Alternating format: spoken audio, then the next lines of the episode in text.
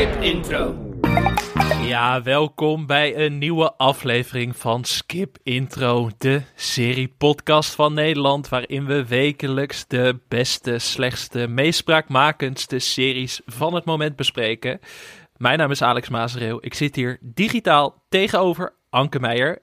En Anke, we gaan iets heel anders doen deze week. We gaan geen nieuwe series bespreken, want het aanbod was toch wel niet. zo armoedig dat we maar uit wanhoop iets anders moesten gaan doen. Dus we hebben besloten om de luisteraars aan het woord te laten. Wij, nou, nou ja, wij zijn aan het woord in deze Nou, aflevering, maar de luisteraars zeggen. bepalen eigenlijk onze agenda vandaag. En dat is toch wel waar verfrissend. we het over hebben. Ja, Ja.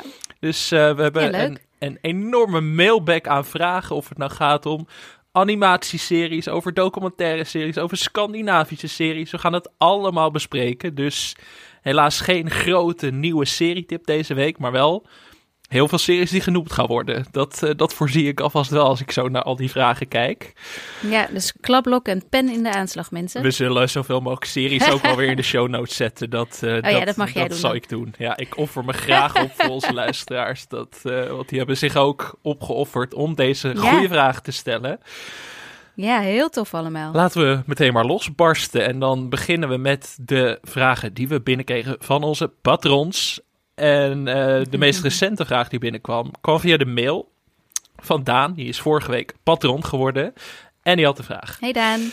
Hij zei: Het lijkt mij erg leuk als jullie een rubriekje met oudere series gaan opnemen. Ik begrijp dat er grote vraag is naar nieuwe series, maar er is door de jaren heen zoveel moois gemaakt, ook buiten de VS. Denk aan Borgen, Schitzel, uh, Stitzel, Stitzel, Ja, nee, ik kan het ook niet uitspreken.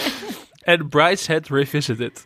Een segmentje van vijf minuten over verborgen parels misschien. Ik wil wel tippen en inbellen. Nou, dat laatste, dat juich ik enorm toe. Ik zou het ook heel leuk vinden als mensen dat nog vaker gaan doen. Dat ze audioberichtjes gaan insturen en dat wij daar dan weer op gaan reageren. Hoe, hoe doe je dat dan? Zegt, eh, zegt deze oude vrouw. Hoe doe je Je kan toch met je Moet je dat telefoon via- gewoon iets opnemen en dan naar ons sturen? Dat, dat moet kunnen. Via... Via mail, Patreon. eh, we moeten even een mailadres aanmaken. Dat is inderdaad wel een Ik wou zeggen, idee. hebben Ja. wij... Hebben wij een mailadres? ik bedoel, je, je kijkt echt naar me zo van... Oh jeetje, wat weet ze weinig. Maar ik had wel een punt. Nee, maar via mij. Instagram en zo zou het ook Via Insta kan het ook Dus zeker? Ja. Maar laten we een mailadres We gaan een mailadres aanmaken. Dus want dat is altijd welkom dat jullie inbellen. En dan niet natuurlijk een half uur, want anders hebben wij niks meer om te vertellen. En wij zijn heel erg happig om heel veel te praten. Anders hadden we deze podcast niet gemaakt. Maar eh, zeker voor mijn stem, die al weken, maanden heel broos is, zou het ook wel lekker zijn als er iets meer audioberichten van de luisteraars zijn. Maar En als iemand nog tips heeft voor Alex Stem, dan mag dat, dat mag ook zeker. Ja, keelpastilles mogen ons ook sponsoren. Het is allemaal toegestaan. Maar om terug te komen op de vraag van Daan. eh, Ja, ik ja, ben daar eigenlijk vraag. wel voor. Ik zat er laatst zelf ook toevallig over na te denken. Dat is nu makkelijk om te zeggen, nu Daan het ook gevraagd heeft natuurlijk. Maar ik heb heel vaak, ik kijk best wel vaak ook wat oudere series terug. Of dingen die ik gemist heb. Ik heb het laatst over die serie Patriot gehad op Amazon Prime Video. Mhm. En ik vind het vaak wel zonde dat je een heel segment aan vergeten series hebt. die dan tien jaar geleden of vijf jaar geleden zijn uitgekomen. Die enorme massa aan grote kwaliteitsseries. en daardoor een beetje ondersneuvelen. Dus wat mij betreft gaan we daar wat meer ruimte voor in, in ruimen. Of wat meer plek voor En inruimen. wat zou, dan, wat zou dan de eerste serie zijn die jij meteen wil bespreken? Patriot zei je net al. Poel Patriot was dan een goede. Ehm, even denken, wat zou ik dan nog willen bespreken? Nou, dat heb ik uiteraard opgeschreven. En nou ja, dat is, dat is wel lastig, want het gaat over een serie die nooit volgens mij legaal in Nederland te zien is geweest. Maar wij hebben hele creatieve luisteraars, heb ik de afgelopen week gemerkt. Want er waren flink wat mensen die naar Pokerface hebben gekeken. Ik heb geen idee hoe ze dat gedaan hebben, want die is natuurlijk nog steeds Geen niet bij ons te zien. Maar ik heb het over Party Down.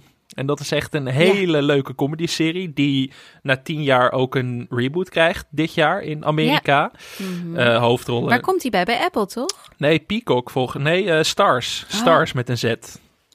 Oh, oké. Dus dan is het maar de vraag hoe wij het krijgen. Waarschijnlijk weer niet, want alles wat leuk is, dat krijgen wij niet als Nederlanders. Het afvoerputje van eh, zo'n streaminglandschap. Nee, dat valt ook wel mee. Maar Party Down, een van mijn favoriete comedy-series van de laatste tien jaar. Ik, ik heb er nog nooit eigenlijk met iemand over gepraat in Nederland. Ik hoop dat er fans zijn die nu luisteren en denken... ja, Alex, je hebt het bij het goede eind. Eh, maar de hoofdrol Vast. is voor Adam Scott, die natuurlijk nu furoren maakt met zijn hoofdrol in Severance. Severance... en eerder in Parks and Rec te zien was... zijn ook bijrollen voor Jane Ja, Lynch. Big Little Lies. Big Little Lies, maar Sorry. ook eh, Jane Lynch en eh, Martin Starr. Dus best wel wat eh, goede comedyacteurs. Dat zou dan een serie zijn, ondanks dat die hier niet volgens mij te zien is. Dat zou dan een serie zijn die ik meteen zou willen uitlichten. Dus eh, misschien moeten we daar toch plek voor gaan inruimen, Anke. Ja, nou, ik, eh, ik zeg, laten we eens een keertje kopje thee erover drinken en eh, nadenken. Eigenlijk is dit Ja. gewoon een hele lange redactievergadering, deze, deze aflevering. Nee, dat staat genoteerd, Daan. Dus dankjewel.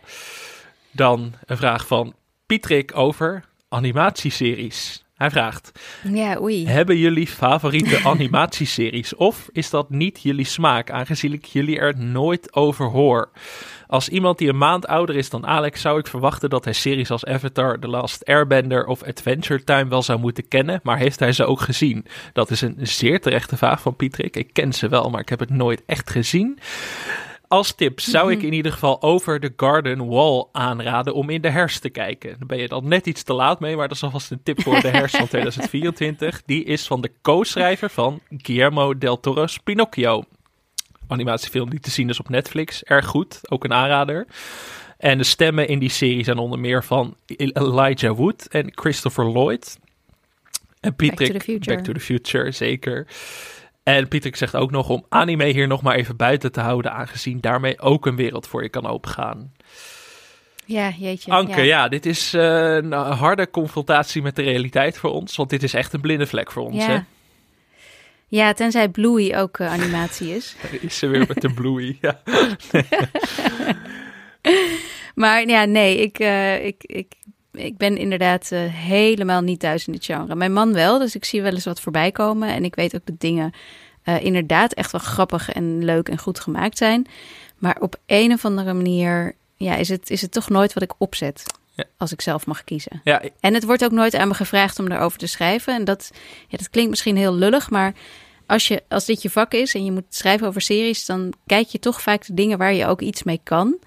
Ehm, en aangezien nooit iemand mij vraagt om iets, iets in de animatie zien te doen, dan, ja, dan, dan kom ik er ook echt niet. En, en omdat het me dus niet trekt van nature, dan ja, nee. Jij ook niet, hè? Nee, nou ja, goed. eh, ik heb één uitzondering, want ehm BoJack Horseman, de beste Ja, serie die ja, ja. Netflix ooit gemaakt heeft, die hot take durf ik wel te droppen. Dat is een van mijn favoriete series aller tijden. En dat eh, sloeg dan wel aan, ondanks dat ik dus heel weinig animatie kijk. En dat vind ik eigenlijk wel, ik vind het gek aan, eh, dus ik even een stukje zelfevaluatie hier, dat ik na BoJack Horseman niet meer animatie ben gaan kijken. Dat is eigenlijk een soort van gekke Ja. weeffout in mijn systeem. Dat ik daar toch niet op mee, gaan, mee door ben gegaan eigenlijk. Ik snap daar, ik snap mezelf ook niet helemaal in deze. Dus ehm, ja, misschien is dit ook gewoon een mooie ambitie. Dat, dat ze jou meer stukken moeten geven over Ja. animatieseries. En dat ik gewoon die weeffout in mijn systeem moet herstellen.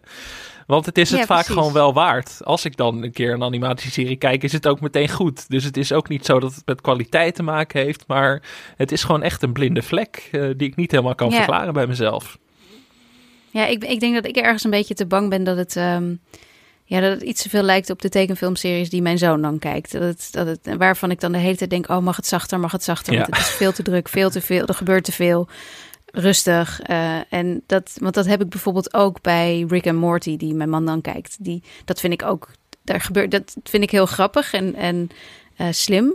Maar ik vind het ook weer veel te druk. En dat zegt denk ik heel veel over mij. Ja, weet je Dat wel. dat niet zo goed Een beetje okboemer Ja, dit, ja. Anke. Spijt me zeer. Maar Ja. Ouch. Ik kom niet eens in de buurt van de boomers, maar oké. laten we snel naar de ben- volgende vraag gaan... voordat het X'er. helemaal uit de hand loopt binnen Mm. 10 minuten. Casper stelde Ja, een... voordat we eh, echt ruzie krijgen voor het voor eerst. het eerst. Casper stelde een hele mooie en een hele moeilijke vraag. Hij vroeg... Ja. Welke serie met een fictief verhaal heeft je kijk op de echte wereld veranderd? Eh, echt een goede vraag. Ik heb hier echt wel heel erg lang over moeten nadenken. Want het is best wel lastig om aan te geven wat echt iets veranderd heeft op je, op je blik in de op de realiteit. Hoe was dat voor jou? Ja, ik, ik vond het inderdaad ook heel moeilijk. Ehm, en ik zie ook dat ik het dat ik er wel over na heb gedacht, maar uiteindelijk niet heb opgeschreven wat ik, eh, wat ik ook alweer had bedacht. Eh, wat een beetje stom is. Maar, eh, want ik, ik zat namelijk zelf te denken aan ehm, die Damon Lindelof-serie van een paar jaar geleden, waarvan ik de naam zelfs nu even niet meer weet. Maar jij weet Watchmen, The Leftovers, Lost. The Watchmen, ja, Watchmen, sorry, ja. zonder de Watchmen. Ja, waarin je natuurlijk um, wat begint in Tulsa, wanneer daar een een wijk eigenlijk wordt aangevallen, wordt gebombardeerd. Een, een, een, een zwarte, welvarende wijk uh, door ja, witte mensen. Uh, en dat is iets wat echt gebeurd is en waarvan ik uh, helemaal geen weet had. Totdat ik dat in die serie zag en het daadwerkelijk ben gaan opzoeken. En dat is wat, wat je ziet, wat je ziet gebeuren is.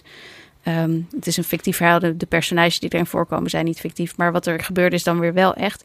Maar dat, heeft, dat soort dingen maken altijd wel veel indruk op mij. Waardoor dan een serie iets kan pakken wat wel of echt gebeurd is of had kunnen gebeuren. Um, en ja, dat dan de, iets, mijn, mijn verhaal vertelt wat ik, wat gewoon in mijn eigen wereld nog nooit um, is, is voorgekomen. Of waar ik geen enkele weet van had. Wat, is, wat mij nog nooit is verteld. En dat vond ik hier. Maar dit is dan eigenlijk een heel slecht antwoord op deze vraag. Omdat het dus wel eigenlijk echt gebeurd was. En zo kom ik de hele tijd op de series die het meest indruk op mij maken en die mijn wereldbeeld veranderen en verrijken eigenlijk, zijn toch series die gaan over dingen die echt gebeurd zijn.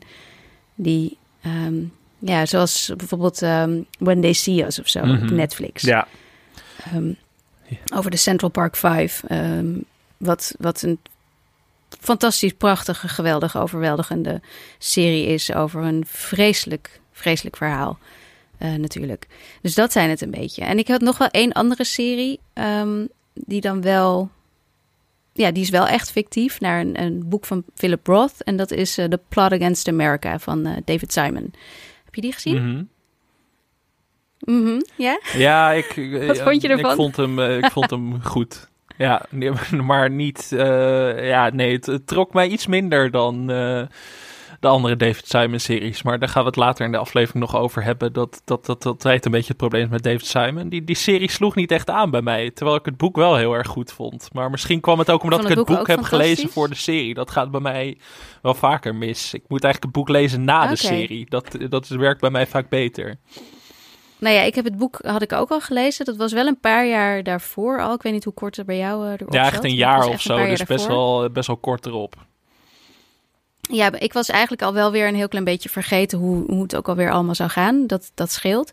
En ik vond, het, uh, ik vond het wel echt een hele indrukwekkende serie. Dat gaat over een, ja, een alternatieve werkelijkheid eigenlijk. Waarin uh, um, niet uh, Franklin D. Roosevelt wint, maar um, hoe heet de man ook alweer? Um, Charles, Charles Lindbergh. Ja. ja, en die vervolgens besluit dat hij eigenlijk een soort van overeenkomst sluit met de, met de nazi's. Dat, hij niet, dat Amerika niet ingrijpt in Europa.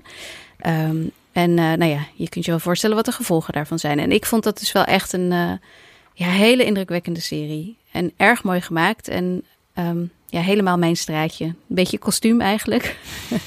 um, over een heel serieus onderwerp. Uh, met fantastisch goede acteurs. Dus ik, dat, dat is wel een serie. Maar of die dan mijn kijk op de wereld heeft veranderd, vind ik ook weer een beetje ver gaan. Ik weet het niet, jij? Ik heb twee uh, simpele antwoorden, maar ik kon er ook niet omheen. Ten eerste The Wire, toch wel, over mm. hoe de hele... Ja, de onmogelijkheid van bureaucratie eigenlijk en systemen en hoe mensen daarin verdwaald kunnen raken en hoe eigenlijk een hele samenleving daarin verdwaald kan raken. Mm -hmm. Ik heb ook een vak gevolgd uh, toen ik politicologie studeerde, hoe The Wire zeg maar ook daarin van, van waarde is om, om je blik op die, op die systemen in een stad bijvoorbeeld te kijken. Of te kijken naar een stad als puur bureaucratische organisatie. Dus in die zin is The Wire bijna nog meer een soort van educatief object dan echt een, echt een serie. Dus dat, dat heeft mhm. in die zin wel echt mijn blik op de werkelijkheid ook veranderd. Omdat The Wire natuurlijk ook geen serie was voor, of nou wel ook wel voor dramatische plotontwikkelingen, maar ook juist als echt een portret van, van een verwoeste stad eigenlijk. En hoe die, hoe die systemen daar gewoon uiteindelijk ook heel veel dingen kapot maken. En dat heeft, dat heeft in die zin wel echt me anders laten kijken naar heel veel systemen. Dus dat, dat was er mhm. eentje. En toch ook Six Feet Under. Ook een HBO-serie. Oh, ja. En Six Feet Under heeft me dan weer heel erg anders laten kijken naar sterfelijkheid. Het gaat dus over een familie die een, uh, die een begrafenis of een uitvaartonderneming runt. En in elke aflevering zie je dan ook iemand die doodgaat. En dat is dan een beetje de, ja, het, het, haakje waar de familiebeslommering een beetje aan hangen. Dat er elke aflevering een begrafenis of een uitvaart moet plaatsvinden. Maar die personages worstelen allemaal heel erg met hun eigen sterfelijkheid. En een van de personages eh, die krijgt in, in het eerste seizoen te horen dat hij, dat hij iets in zijn hersen heeft. Wat, wat eigenlijk continu levensbedreigend is. Dus hij kan in principe elk moment dood neervallen, om het maar heel plat te zeggen. Ook zelf doodgaan. Ja. Zelf doodgaan. En dat hangt eigenlijk eh, de hele tijd boven die serie. En dat nou, vooral het laatste seizoen, echt de laatste drie, vier afleveringen van Six Feet Under zijn echt de grootste emotionele mokerslag die ik ooit gezien heb in welke tv-serie of film dan ook. Maar wel heel goed. En over thema's als leven en dood heb ik weinig series gezien die zo on point waren als Six Feet Under. Dus dat heeft me in die zin ook wel een beetje anders laten kijken naar de werkelijkheid. Dus dat waren mijn twee antwoorden. Wel, het, het was een moeilijke vraag, maar ik vond het wel een hele leuke vraag. Dus dank daarvoor Ja, aan Casper. het is een beetje, wat is het? Wat is dan inderdaad het antwoord? Is het een serie die veel indruk op je gemaakt heeft? Of die je echt anders over de dingen doet nadenken? Ja, dat laatste lastig. had ik een beetje in ieder geval. Dan gaan we naar een heel, eh, heel iets anders. Een vraag vooral aan ons eigenlijk als serie-recensenten van Marcus. Het lijkt me lastig om een serie te beoordelen in een genre waar je niets mee hebt. Toch zullen jullie dat af en toe moeten doen. Pak je dat anders aan? Anke. nou ja, zoals ik eigenlijk net al zei, eh, is het wel weer zo dat ehm, hoe, hoe het bij mij in ieder geval werkt, is dat ik of zelf met een serie kom eh, en mijn opdrachtgever zegt van hé, hey, hier wil ik graag over schrijven, want ik vind dit een goede serie of een belangrijke serie.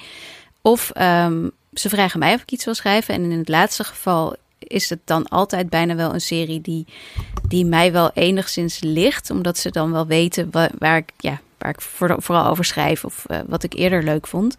Um, zo werken wij altijd weer voor de VPRO-gids en krijg jij denk ik nooit een kostuumdrama om uh, over te schrijven. En ik nee. regelmatig.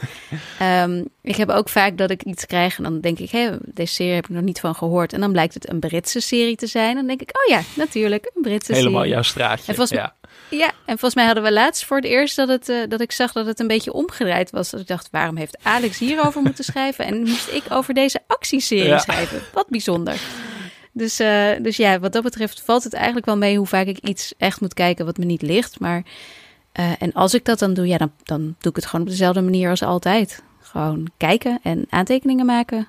Um, en zoeken of er al iets over gezegd is. Of kijken of ik iemand kan interviewen. Dat zijn eigenlijk, dat is een beetje hoe ik werk. Ja, ik denk dat wij daarin Jij? redelijk op één lijn zitten. Ik heb het ook met weinig genres dat ik er echt uh, niets mee heb. Ik denk dat ik het alleen heb met fantasy eigenlijk tot, in tot op zekere hoogte.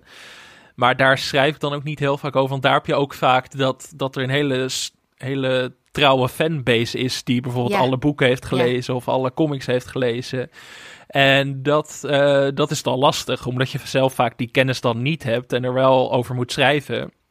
En dat kan ook Mhm. vaak wel, want je kijkt het, je bent een seriekijker. Je bent niet de expert die gaat beoordelen of, of een boek bijvoorbeeld goed verfilmd is. Dat ben je niet. Je bent wel echt puur Nee, ingehuurd om ernaar te kijken als serie. Want ja, dat is hetzelfde bij The Last of Us. Wij zijn geen gamers. precies zou ik net zeggen. En we beoordelen het puur als serie. En zo probeer ik het eigenlijk altijd aan te pakken. Dat ik denk, oké, is dit als serie geslaagd? En niet te kijken van, is dit als bijvoorbeeld een verfilming geslaagd? Dus daar loop ik ook niet heel vaak tegen aan. Maar inderdaad, kostuumdrama's ben ik vaak wat minder van. Tenzij het uh, een serie als The Great is of zo. Dat het net even wat anders doet met het genre dan, uh, dan een gemiddelde... Ja, noem, noem eens een kostuumdrama, daar ben jij beter in thuis. Zo'n keizer in Sisi of maar- zo, weet je wel. Dat, ja, daar denk ik dan vaak Ja, van. die krijg ja. ik Die krijg ik de laatste tijd vaak op mijn bordje. En dat is ook niet helemaal. Dat is, als je dan moet zeggen wat je niet helemaal ligt. Nou, dat ligt me eigenlijk Hmm. niet helemaal. Ik Slecht het- voorbeeld, ja. Al die varianten niet zo'n heel goede, goede uitvoering. Ehm, maar ik denk dat ik het minder erg, dat ik er nog wel iets uithaal wat jij er echt niet uit kan halen. Dus wat dat betreft eh, zijn we heel cliché, vallen we dan in, eh, in die verdeling eigenlijk. Marcus uh, tipte ook nog de serie Dirk Gently's Holistic Detective Agency op Netflix. Helaas maar twee seizoenen. En Marcus vroeg ook, zijn er nog oudere, minder bekende series die jullie kunnen aanbevelen? Nou ja, dat zit straks dus in het nieuwe blokje dat Daan heeft voorgesteld. Maar we kunnen alvast wel een voorschot nemen, denk ik. Ja, ja jij had net natuurlijk al je serie genoemd. Um, heb ik hem, uh, per ongeluk heb ik hem bewaard voor, uh, uh, voor dit stukje. Um, ik, waar ik zelf aan moest denken, wat ik een erg indrukwekkende um, miniserie vond, was Show Me a Hero. Ook van David Simon. Ik, ik ben toch wel ja, ben toch wel van de man, geloof ik. Alhoewel niet alles even goed bij mij valt. Maar dit vond ik een hele indrukwekkende serie. Ook weer waar gebeurt, ga je weer. Mm -hmm. um, met Oscar Isaac in de, in de hoofdrol. Um, een van de redenen waarom ik hem leuk vond, maar niet de reden. Uh, en hij speelt een, een, een redelijk jonge uh, nieuwe burgemeester in Yonkers. In eind jaren 80, begin jaren 90. Uh, waar min of meer de pleuris uitbreekt. Omdat er in een wat, wat ja, chicere wijk sociale woningbouw wordt gebouwd. En dat is dus dan, ja, komt er een, een, een behoorlijke lading naar racistische ellende uh, bovendrijven. En dat is een, uh, dat, ja, het klinkt weer heel leuk. Het is echt zo'n ankerserie, hè, waarvan je denkt, hè, nou, gaan we even lekker met een bakje chips voor zitten. Maar ik, ik vond, ik, ja, het is, het, ik vond het wel echt een heel indrukwekkende serie. En Oscar Isaac was erg goed. En um, ja, ik, uh, ik hou van dit soort series die mij iets vertellen wat ik dus niet wist. Um, wat mijn wereldbeeld weer wat groter maakt, zeg maar. Ik heb het ook gekeken toen ik daar, daar komt hij weer bingo kaart bij de hey, mensen, toen ik in New York zat. daar is hij. Ja, twintig ja. minuten duurde het, maar daar is hij eindelijk. Ja. maar uh, Jonkers is het, het, het was misschien ook wel omdat het omdat, omdat je toch een beetje uh, dan iets leert over de omgeving waar je zelf ook zit. Dat heeft misschien ook meegespeeld. Maar ook los daarvan vond ik dit een hele uh, sterke serie. Eens. Um, ja. Eigenlijk, ja, ik Eens? kan er niks Kijk. tegen inbrengen. Het spijt me, het is heel saai, maar ik ben het helemaal met je eens. Laten we dus Nou, snel naar het volgende genre eigenlijk gaan. Vraag van Nick. Wat zijn volgens jullie goede en recent uitgebrachte Scandinavische misdaadseries? Zelf zie ik de laatste tijd niet veel van zulke series voorbij komen, maar misschien heb ik wat pareltjes gemist. Um, even een uh, bekentenis. Ik kijk heel weinig Scandinavische misdaadseries, Anke. Ik uh, weet dat dit als een klap Mhm. komt voor heel veel mensen. Maar ja, nee, het is toch vooral Engelstalig of Nederlandstalig. En Scandinavisch, dat schiet er een beetje bij in. Maar ik heb in mijn directe omgeving een onuitputtelijke bron, toevallig. Mijn moeder kijkt Hey, dat alle. Scandinavische series die er, te, die er te zien zijn. Mazareel, wat leuk. Het zit toch in de familie als je het dan zo ziet met bintje. Want ja, mijn moeder, als ik al een keer iets met de Scandinavische misdaadserie moet, dan vraag ik het even aan mijn moeder. En dan kan zij eigenlijk het stuk al schrijven. Dus ja, ik heb deze vraag maar gewoon aan haar gesteld. En ja, er kwamen, er kwamen flink wat tips. Dus mensen, Vertel. fans van Scandinavische misdaadseries, pak nu je notitieblokje erbij, pennetje erbij en schrijf mee. Want het zijn vier serietips. Dus, dus het zijn er nogal Ik wat. ben benieuwd of ik ze ken. Ja. We beginnen met Blinded. Gaat over een jonge journaliste die werkt op de economische redactie van een krant. Ze moet een artikel schrijven over een financieel bedrijf en ontdekt daar onregelmatigheden. Twee seizoenen en weer een uitstekende rol van Julia Ragnarsson, die we kennen van de serie Springvloed. Te zien op NPO+. moeder, even, dit weet, ik wil even weten, heeft jouw moeder dit gewoon ook echt zo naar jou gemaild? Of, of ja, dit heeft ze ge- getypt volgens mij. Ja, nee, ze, Wat ja goed. dat is, eh, dus we gaan het allemaal lekker benoemen. Eh, Wat leuk. Ja, ik dacht van misschien de noemt ze één titel, maar het werden er iets meer. Dus eh, lekker. eh.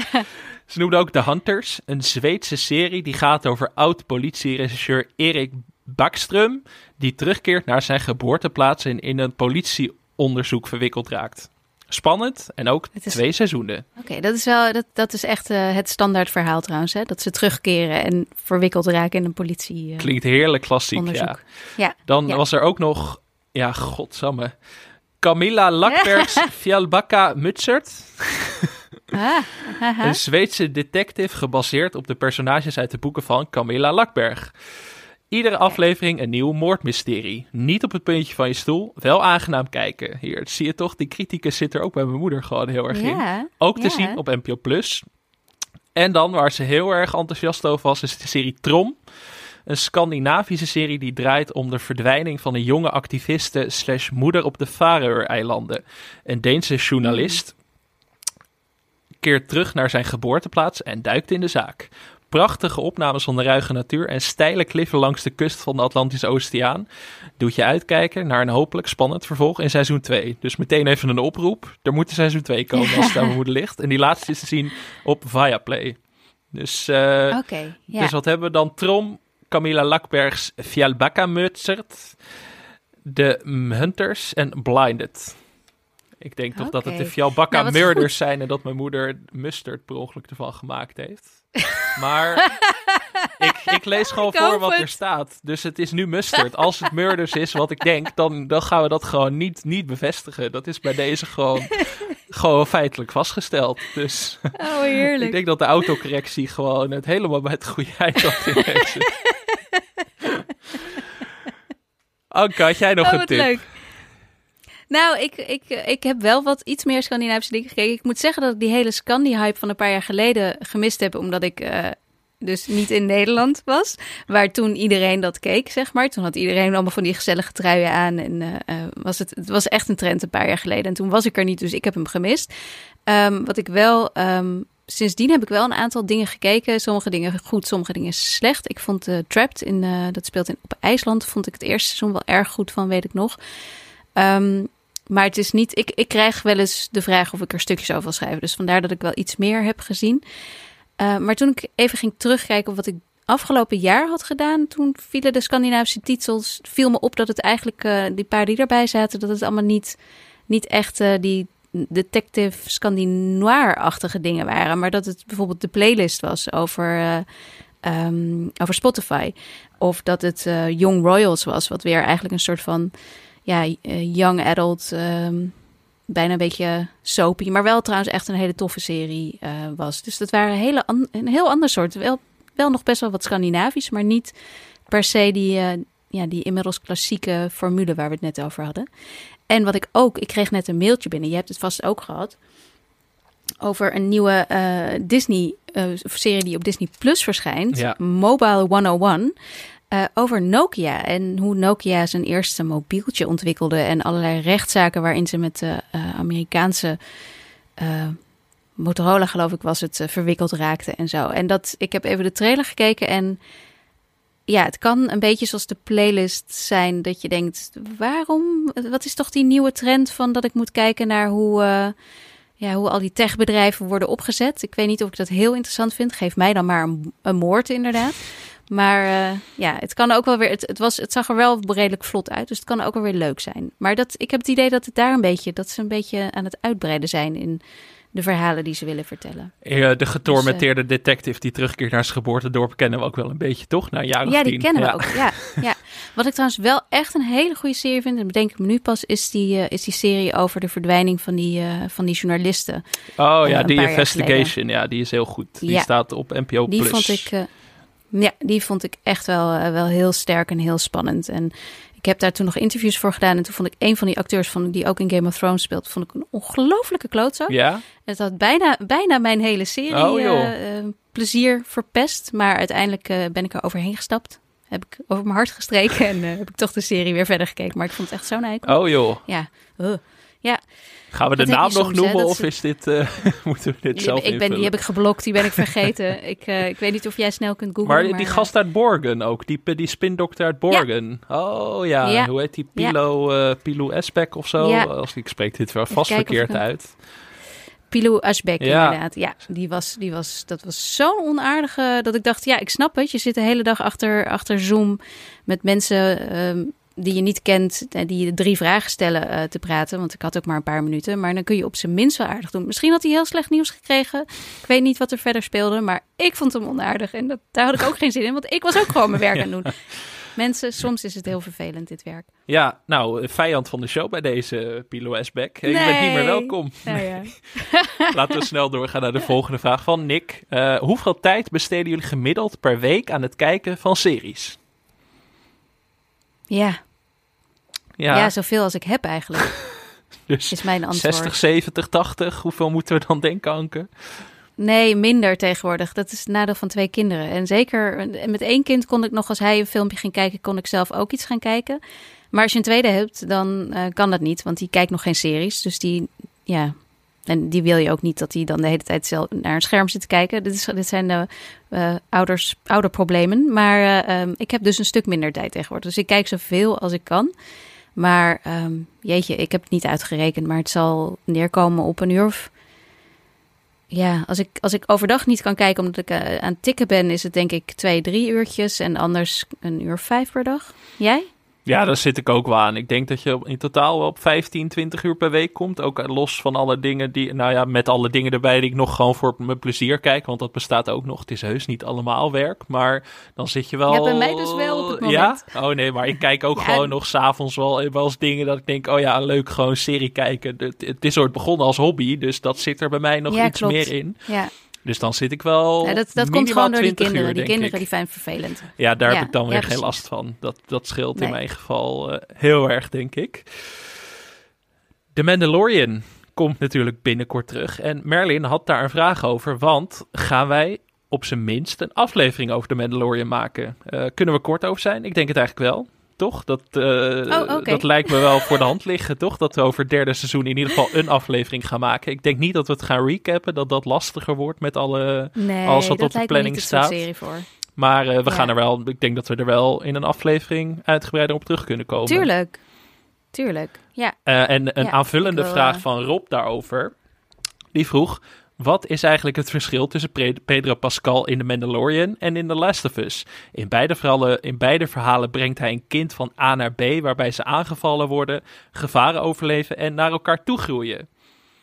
Eh, Ja. ja de, daarin, in, The wel, Mandalorian zien we Pedro Pascal bijna niet. Dat is een belangrijk ja. verschil. Je weet niet of die er Je is. weet niet of ja. hij in dat pak zit. Maar verder is het best wel hetzelfde inderdaad. Hetzelfde. Ja, Ja, ik heb, daar, ik heb daar nog wel iets meer over te zeggen. Het is, dit ehm, eh, zijn niet de enige twee series waarin eh, ehm, deze trope, zoals dat heet, de- ze noemen het eh, ehm, de Lone Wolf and Cub trope, Mhm. vernoemd naar een Japanse manga uit de jaren zeventig. En dat is dus, ja, dan heb je de Lone Wolf, de man die eigenlijk, het zijn meestal mannen die eigenlijk alles alleen wil doen, die vaak een beetje getormenteerd is, eh, iets in zijn verleden heeft wat hij niet zo goed kan verwerken of wil verwerken. Eh, vooral een beetje kortaf en eh, brommend is, die dan op een of andere manier eh, de zorg krijgt over een jonger, meestal kind, en dat is dan ook meestal een meisje, die die inderdaad van A naar B moet brengen. En dat heb je dus inderdaad Mandalorian, je hebt The Last of Us, recent had je ook Station 11, je hebt het in Obi-Wan, Game of Thrones had meerdere eh, van dit soort eh, varianten. Ehm, Willow had het, The Witcher heeft het en eh, Stranger Things eigenlijk ook, Hopper en Eleven. Dus het is ehm, ja, een heel veel gebruikte trope. En ik moet zeggen dat ik hem zelf, ehm, hij is misschien een soort van cliché, maar aan de andere kant, hij werkt ook niet voor niks heel goed.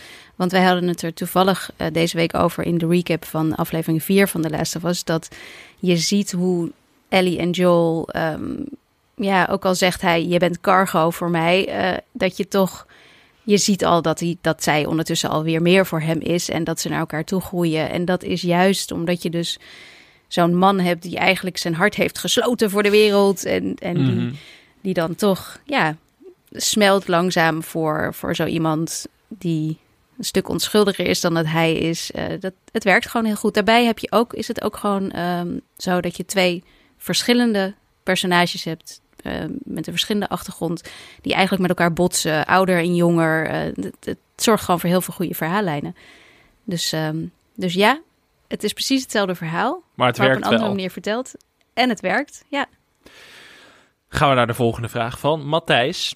Het gaat vaak over series die na één of twee seizoenen hadden moeten stoppen omdat het niveau daarna minder werd. Maar welke series hadden een zwakke start en werden in de seizoenen daarna juist alleen maar beter? Ehm, ik had hier best wel flink wat eh, titels eigenlijk, want het gebeurt best wel vaak dat een serie matig uit de startblokken komt en daarna eigenlijk alleen maar groeit. Wat eigenlijk heel erg logisch is, want ja. iedereen is zoeken in het begin. Is, Ik denk dat als je Precies, naar Skip Intro aflevering juist. 1 luistert, dat je ook denkt van, jezus, wat een amateurs zijn dit. En dat je nu denkt van, dit zijn echt de grootste Professionals. professionals die ik ooit gezien heb. Ja. Nee, dit is, maar het is ook. eh, ik had het daar bij eh, ehm, 1889 was het toch? Ja. Eh, heb ik het nog in mijn nieuwsbrief erover gehad dat juist een serie is, is iets wat zich kan ontwikkelen, wat kan reageren op, eh, op hoe de acteurs spelen of hoe ehm, fans reageren. Of ehm, als je iets terugziet op het scherm dat je denkt, dit werkt toch eigenlijk niet zo goed. Dus juist een serie, een film zal voor altijd hetzelfde blijven, maar juist een serie kan zich ontwikkelen. Mhm. En ehm, dat gebeurt gelukkig heel vaak, waardoor eigenlijk seizoen 2. Nou ja, je hebt natuurlijk ook de vloek van seizoen 2. Dat, het, dat het het eerste seizoen niet kan halen. Maar heel vaak zie je het ook andersom. Dat het eigenlijk beter wordt, inderdaad. Ik had onder meer opgeschreven Maar- een paar comedy-series. Want eh, bijvoorbeeld Kijk. de Amerikaanse The Office begon best wel matig. En had, had eh, Steve Carell ook nog niet helemaal uitgevonden wat hij met dat personage moest doen. Hetzelfde gold voor Parks and Recreation. Wat ook het eerste seizoen is echt heel matig. En zeker met Parks and Rec heb ik nog altijd, al raad ik het aan aan mensen. En dan zeggen ze ook, ik vond het helemaal niet leuk het eerste seizoen. En dan, dan Mm. moet ik toch vervelend zijn en zeggen van... Het zijn maar zes afleveringen dat Doorkijken. eerste seizoen. Je moet gewoon doorkijken, want het wordt een fantastische serie. En zeker vanaf seizoen 2 en richting het einde van seizoen 2 wordt het echt, eh, wat mij betreft, de leukste comedy die ooit gemaakt is. Dus dat is voor mij het ultieme voorbeeld van een serie met een zwakke start die daarna echt waanzinnig goed werd. Ehm, je zou het, eh, nou dat geldt dan niet op seizoenen, maar op afleveringen. Succession vond ik de eerste paar afleveringen ook nog Oh, niet ja. briljant. Ja, eerste helft van het seizoen. Vond Ja, ik, vond ik oké toen, maar ik was nog niet zo dat ik dacht van, oh, dit is een van de beste series van deze eeuw. Dat Nee. kwam echt pas in de tweede helft van het eerste seizoen inderdaad. Dus dat had ook gewoon vier, vijf uur nodig om echt, echt de vorm te vinden. Eh, datzelfde gold ook voor een van mijn lievelingsseries, Better Call Saul. Dat ook in het eerste seizoen best wel zoekende was. En ook pas na een aflevering of vijf echt, echt de juiste toon en de juiste balans te pakken had. Maar ja, je raakt wel snel mensen kwijt dan. Van die ongeduldige kijkers die niet even door kunnen kijken om te zien hoe goed iets kan worden. Ehm, ik had ook nog een van mijn favoriete series opgeschreven, Hannibal. Dat is een serie over Hannibal Lecter met eh Mats Mikkelsen als, als de bekende kannibaal. Ook een iets wat matig eerste seizoen. Best wel eh, meer een soort eh, procedural noemen ze dat dan. Met, met elke week een soort zaak van de week. En in dat tweede seizoen werd het steeds, steeds schimmiger en steeds wat gekker. En draaide het steeds meer om de band tussen, eh, tussen Hannibal Lecter en, en een FBI-profiler. En toen werd die serie echt waanzinnig goed. Datzelfde was een beetje aan de hand bij Justified. Ook een van mijn favorieten. Wat ook in het eerste seizoen Mhm. heel erg een, een Case of the Week-achtige serie was. Met, oh, we lossen nu een moord op. En dan gaan we weer over tot de orde van de dag. En vanaf seizoen 2 lieten ze dat format helemaal los. En werd dat ook heel erg leuk. Dus zo zie je steeds vaker dat ze in het eerste seizoen ook met de vorm gewoon heel vaak aan het klooien zijn. En dat, ja, dat, dat is soms gewoon moeilijk. En daar heb je even tijd voor nodig om daar uit te groeien. Ja, eens. Ja. Ik, eh, ik had er eigenlijk, ik bedoel, ik noem bij deze vraag altijd de leftovers, maar dat doe ik dan dit keer niet. Volgens mij gaan we het er later ook nog even over hebben. Maar eh, een serie waar ik zelf, je kunt het inderdaad bij heel veel series zeggen, maar waar ik zelf een beetje aan moest denken. En het was niet zozeer dat het matig of slecht begon, maar dat het uiteindelijk zoveel meer werd dan dat het in het begin was, was The Good Place. Ehm, wat ik in eerste instantie eh, gewoon wel een, een, een leuke, ehm, aangename comedy-serie vond. Met een hele toffe twist aan het einde. Eh, iets wat ik echt niet had, eh, had zien aankomen. Ik bedoel, als je het nu weet, dan denk je ja, natuurlijk, maar op dat moment niet. Eh, die uiteindelijk eindigde en ook nog op een hele goede manier. Met echt precies het verhaal wat ze wilden vertellen. Ze zijn niet te lang doorgegaan. Ze hebben ja, het niet eindeloos uitgemolken. Maar het eindigde echt op een manier dat het een soort van filosofisch over, over de wereld en het leven en de dood ging nadenken. En dat was wel, dat had ik niet verwacht na dat eerste seizoen, zeg maar. Dus dat is wel een serie die wat mij betreft um, ja, nog veel beter is geworden dan, het, dan dat het ooit in het begin was. Matthijs stelde een vraag. Wat is jullie favoriete, grappigste personage in een niet-comedy-serie? Uh, dat vond ik wederom een hele goede vraag en een hele moeilijke vraag. Want uh, dat zal ook voor jou gelden. We hebben zoveel series gezien dat ik het ook moeilijk uit elkaar kan houden. Wie nou, wie nou waarin zit en wie nou echt grappig waren. En waar ligt de grens tussen drama en comedy precies. Dat was een moeilijke, maar jij hebt vast hele goede antwoorden, Anke. Nou, um, ik uh, moest sowieso eigenlijk, omdat, omdat we daar nu middenin zitten, uh, moest ik denken aan Ellie, die in de Last of Us, die ik uh, erg grappig vind. Die ik, die ik ja, dat heb ik ook in de recap deze week gezegd, die altijd een beetje lucht in deze serie brengt en me regelmatig aan het lachen maakt. Um, en ja, ik, ik, er zijn er natuurlijk ongeveer de helft van de cast van Succession is vreselijk grappig. Mm -hmm. um, en ik weet dan niet of ik voor, voor Tom of voor Craig of voor uh, um, Roman moet gaan eigenlijk. Ik weet niet wie ik het grappigst vind. Um, Toch wel en, echt Tom um, voor mij. Die, dit is wel toch de winnaar altijd, ja. Ja, ja, ja, hij is wel erg sterk inderdaad. Maar ik vind Roman ook altijd wel... Ja, ook altijd wel... Ik bedoel, die ene die ene scène waarin, waarin hij zijn dikpik naar zijn vader stuurt, is gewoon... Ja, dat is wel een van de grappigste, momenten in de serie ooit, ja. ja. en die kop daarbij, echt, nou ja, ik weet niet. Toen ik hem dit jaar weer als klein kindje in uh, Home Alone uh, zag, ik, ik, kon alleen maar daaraan denken gewoon, omdat hij volgens mij een beetje hetzelfde hoofd trekt. Maar ja, dus dat zijn... Uh, en ik vind ehm, in Reservation Dogs, vind ik... Um, hoe heet ze? Ah, Willy Jack? Heet ze zo? Heb ik het goed? Mhm. Ja, toch? Die vind ik heel, heel erg grappig ook. Dat is ook een van mijn... Ja, grappig, een van mijn lievelingspersonages of zo gewoon. Ik merkte bij deze vraag dat Paulina je... Alexis bij deze vraag merkte ik dat je heel snel uh, in de klassieke series, of dat ik in ieder geval een beetje daarin ging zoeken. Wat ook logisch is natuurlijk, omdat die het meest aan het hart liggen. Dus ja, ik dacht ik kan wel Polly uit de Sopranos noemen, maar dat is zo'n saai antwoord. Oh, ja. Dat ik denk, ja, ja maar ik moet hem toch wel noemen, want hij is gewoon een van de beste komische personages aller tijden. Alleen al door Pine Barrens natuurlijk, die legendarische aflevering dat hij met Christopher verdwaald raakt in het bos. In dat, sneeuw. Ja, dat, dat kan ik na tien keer die aflevering gezien te hebben, kan ik daarom blijven lachen. Uh, ja, Twin Peaks mag hier ook niet ontbreken, want Twin Peaks heel duister, maar ook heel grappig. En dan ga ik vooral voor de, voor de maker zelf, David Lynch, die ook een bijrol speelt in die serie als FBI-directeur Gordon Cole. Uh, die met een gehoorapparaat rondloopt, omdat hij het allemaal niet heel goed verstaat en daarom heel hard praat. En ja, mensen vergeten vaak dat David Lynch ook een hele grappige acteur is. Naast een van de beste makers aller tijden. En dat werkt zo goed in Twin Peaks. Dus in Twin Peaks The Return zit een scène waarin in iemands hoofd een soort van wordt opgeblazen. En dat, dat gewoon zijn half, dat het halve gezicht weg is. En dat, dat David Lynch komt al als zijn personage aanlopen en zegt dan: He's dead. En dat is gewoon alles. En dat is zo ontzettend grappig. Ja, ik kan het niet grappig nadoen. Maar ja, dan, dan ga ik gewoon helemaal stuk daarom. Dat is zo ontzettend grappig. Mhm. Eh, maar ik, ik vond ook uh, Fargo. Fargo seizoen 2. Een van mijn favoriete seizoenen televisie ooit gemaakt. Kirsten Dunst in die serie vind ik echt heel erg grappig. Omdat ze ook heel erg wereldvreemd is in die serie. En dat werkt heel erg goed uh, in combinatie met, met Jesse Plemons in dat seizoen. Dus die wilde ik ook even noemen.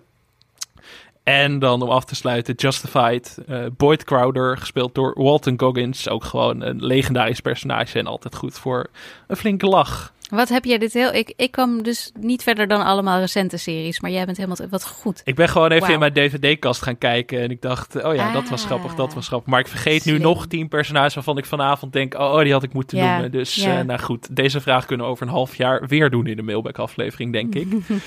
Laten we het over serieuzere zaken gaan hebben, Anke. Want Job stelde de volgende vraag. In de filmwereld heb je films die buiten het commerciële aanbod worden bestempeld. Zo heb ik ooit in 2015 Utopia gezien en dat zou ik wel als arthouse willen bestempelen.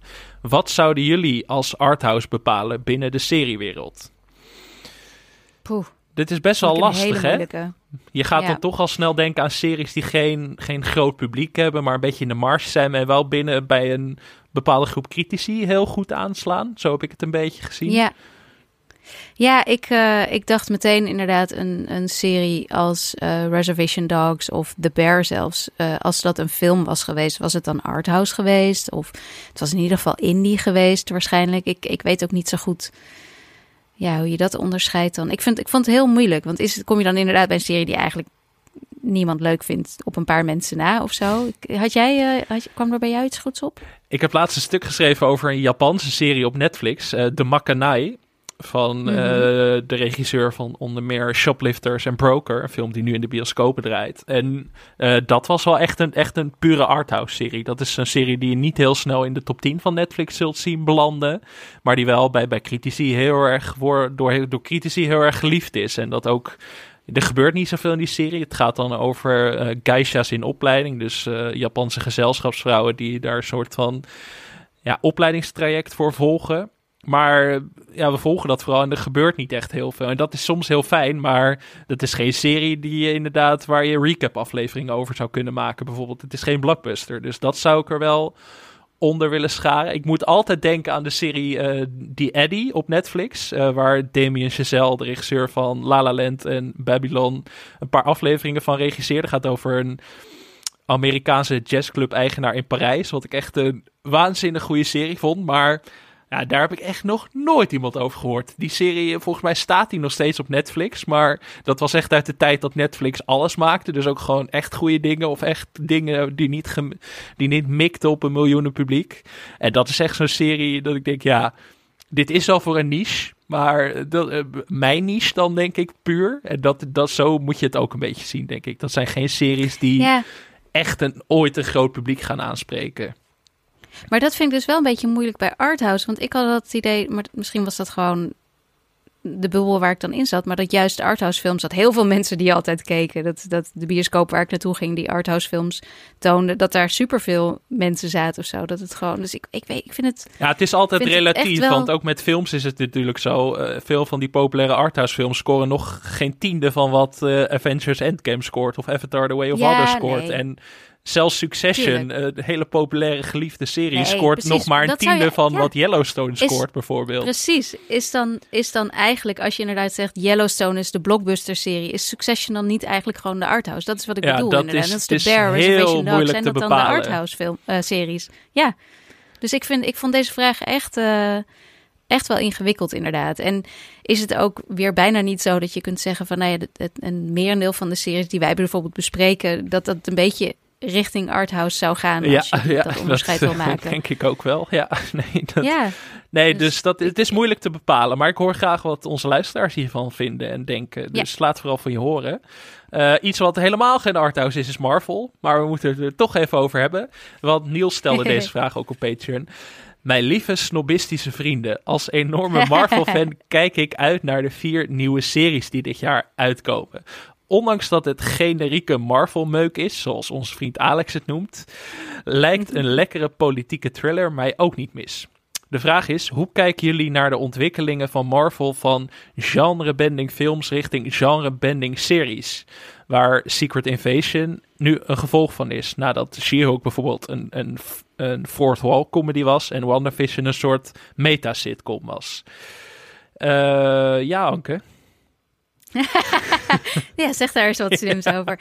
Ja, ik, uh, nou ja, ik vond ik, ik, dat hele genrebending uh, was, dit is een nieuw voor mij. Tenminste, daar had ik gewoon eigenlijk nog nooit echt over nagedacht. Um, ik vond wel inderdaad het fourth wall breaking van She-Hulk.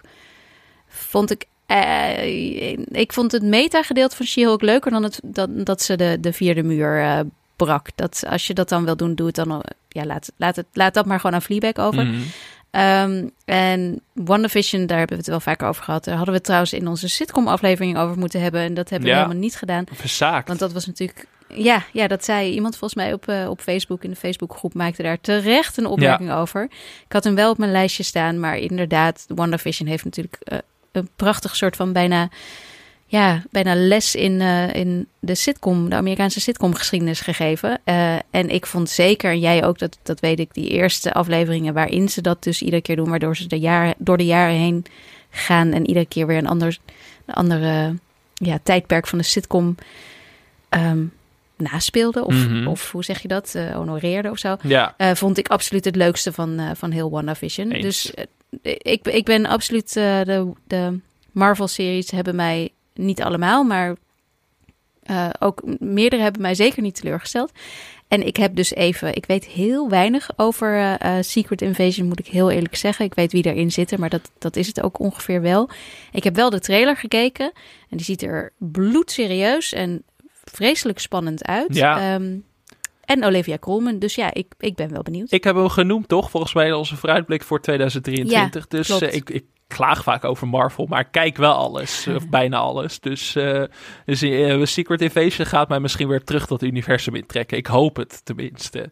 Uh, en, ik ga hem sowieso kijken. En ik sowieso ben het, proberen. Ik ben het helemaal met Niels eens. Een lekkere politieke thriller. Daarvan heb ik er nooit genoeg. Dus ik hoop dat Secret Invasion een beetje die maar kant dat, op gaat. Daar bedoelt hij. Daar bedoelt hij Secret Invasion. Dat is een politieke thriller. Okay. Een beetje. of nou ja, wel uh, die kant op misschien een beetje, als je de trailer ziet. ja, ja, dan gaan we het hebben over ons, ons, ons ja, lijstjesbeleid eigenlijk. Want Stefan vroeg, gebruiken jullie een app of site om bij te houden welke aflevering, seizoen, serie jullie hebben gezien? Ik zoek namelijk iets vergelijkbaars als Letterbox, maar dan voor series. Uh, ja, daar ben ik het mee eens, want Letterboxd is een fantastisch medium. En, uh, maar dat is vooral voor films. En ik zou heel graag precies hetzelfde willen hebben voor series eigenlijk. Want ik gebruik nu vooral Excel. Dat is, ik gebruik nooit Excel, maar ik probeer alles wat ik zie bij te houden in een Excel-bestand. En dat, ja, dat is nu maar de way to go geworden voor mij. Hoe is dat voor jou, Anke? Um, ik gebruik gewoon uh, de, de, Finder van mijn Word. Uh, dus uh, ik kijk gewoon waar ik artikelen over geschreven heb. Want dat zijn over het algemeen de series die ik heb gekeken. Jeetje. Ja, nee, ik hou het helemaal niet bij. Maar ik ben ook niet zo van de lijstjes. Aan het einde van, de jaar, van het jaar moet ik ook echt altijd even graven. Want dat heb ik ook alweer gezien. En dan vergeet ik de helft. Um, ik, dit, is, dit, dit, is toch... Ja, je bent wel een bepaald type mens als je letterboxd en uh, dingen in Excel bestandjes zet. En dat ben ik niet. Er niks mis mee. Ik ben het alleen niet. Ik ben echt dus, uh, de minste. Dus mij heb je helemaal niks. Ik ben heel erg slecht georganiseerd altijd met alles. Maar hierbij dan weer wel. Het is toch series gaan me aan het hart anken. Dat is het gewoon, denk ik. Ja, nee. Heel veel mensen hebben dat. Mijn man houdt echt bij op, uh, hoe heet die site ook alweer, Goodreads. Wat hij allemaal leest. En uh, ja, dat, ik weet dat heel veel mensen dat leuk vinden. Maar op een of andere manier... Dat doe ik dan ook weer niet trouwens, Goodreads. Dus er zitten toch wel gradaties in wat ik belangrijk vind, blijkbaar. Er waren wel wat luisteraars die ook reageerden op Stefan. En die zelf wat tips gaven. Vincent zei bijvoorbeeld die kan het op IMDb bijhouden. En er zijn meerdere apps in de Apple Store waarbij je het kan bijhouden. Marcus zei film vandaag. Daar krijg je ook een melding wanneer en waar iets van je kijklijst te zien is. En Niels gebruikt graag Serialized.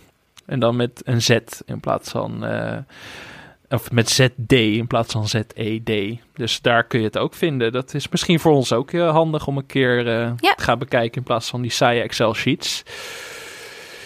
Ja, dan een lange vraag van Vincent. Dus uh, ik hoop dat mijn stem het houdt. Mocht het niet zo zijn, dan, uh, ja, dan moet jij als solo-podcaster verder gaan, Anke. Maar dat, dat kun jij ongetwijfeld. een lastige vraag om te stellen, aangezien je dan al snel in een hokje geplaatst wordt. Maar ik ga het toch proberen. Hoe kijken jullie naar de ontwikkeling van de LHBTQIA en diversiteitsontwikkeling in Serieland? Om mijn vraag verder uit te leggen. Er zijn tegenwoordig bijna geen nieuwe series meer waarin dat onderwerp niet voorkomt. In de ene serie wel wat meer dan in andere. Waardoor ik soms het idee heb dat series niet gemaakt worden voor het verhaal, maar vooral om de diversiteit die gesupport wordt te promoten. Hier is wat mij betreft niks mis mee, maar het leidt met regelmaat wel af van het verhaal dat de serie vertelt. Hebben we hier te maken met een overgangsperiode en valt dit binnenkort niet meer op? Heeft het over het algemeen positieve effecten of juist negatieve effecten. En bij de positieve effecten noemt hij dan uh, Sense8. Zoals je wellicht werkt, een lastig en wellicht gevoelig onderwerp, maar ben vooral benieuwd of jullie hier een goede kijk op hebben. Ja, nou, ik, um, ik moet heel eerlijk zeggen dat ik er nog niet zo over nagedacht had totdat ik deze vraag uh, zag. Um, het is natuurlijk absoluut zo dat waar misschien tien jaar geleden nog niet eens, maar zeker twintig jaar geleden, uh, het echt ja, bijna bijzonder was wanneer er een uh, um, LD, LGBTQ um, personage in een serie voorkwam, uh, is dat nu inderdaad eigenlijk niet meer dan normaal. Je weet gewoon uh, vrijwel zeker dat een, een serie met een aanzienlijke cast ook wel ja, wat, wat diverse personages daarin stopt. Ik zou het ook eigenlijk vervelend vinden als dat niet zo is. Ik ben er inmiddels wel zo aan gewend dat ik dat ook wel van mijn series verlang. Mm um, en ja, wanneer er. Ik, ik snap wel het idee van dat het misschien af en toe in een, in een serie wordt gestopt of geschreven. alleen maar omdat het dan tussen haakjes zou moeten. Um, en dat is, dat is nooit goed. Dat is niet de manier waarop je een serie schrijft, natuurlijk. Um, eh, maar wat, ik, wat mij vooral opvalt. Eh, de laatste ja, jaren bij de kwaliteitsseries. Um, dat het eigenlijk zo doodnormaal is dat het al niet meer bijzonder is. Nee, en misschien heeft het ook te maken met dat het inderdaad, uh, wat, uh, wat Vincent ook zegt, dat het een soort van overgangsperiode is. En dat daarom, dat het daarom soms misschien iets meer nodig zal zijn om het uiteindelijk weer um, om normaler of normaler te maken. In ieder geval gangbaarder te maken in Serieland. Want het was heel vaak gewoon helemaal niet representatief. En nog steeds zijn de reacties ook, ook wel tekenend. Want de Last of Us aflevering 3 wordt gereviewbomd op bijvoorbeeld IMDb door heel veel mensen die spreken van woke uh, gay shit en dat soort dingen. Ja, ja. ja ik wil er eigenlijk niet eens aandacht aan besteden. Maar dat toont wel aan dat we nog in die zin een hele lange weg te gaan hebben. En dat het voor heel veel mensen dus nog niet normaal is. Dus dat is weer een beetje de andere kant nou van de medaille wat dat betreft. En dat, daarom is het eigenlijk inderdaad heel goed dat het in zoveel mogelijk series uh, voorbij komt. Omdat als het vroeger voorbij kwam, dan was het echt een verhaallijn. Mhm. Dan was het een plot. Dan was het, dan was het het drama. Oh, er was iemand uh, homoseksueel. Oh jee, weet je wel. Dan was er, dan was er van alles aan de hand. Tegenwoordig uh, is het niet dat het niet nog steeds een verhaallijn kan zijn, maar over het algemeen is dat helemaal niet aan de orde.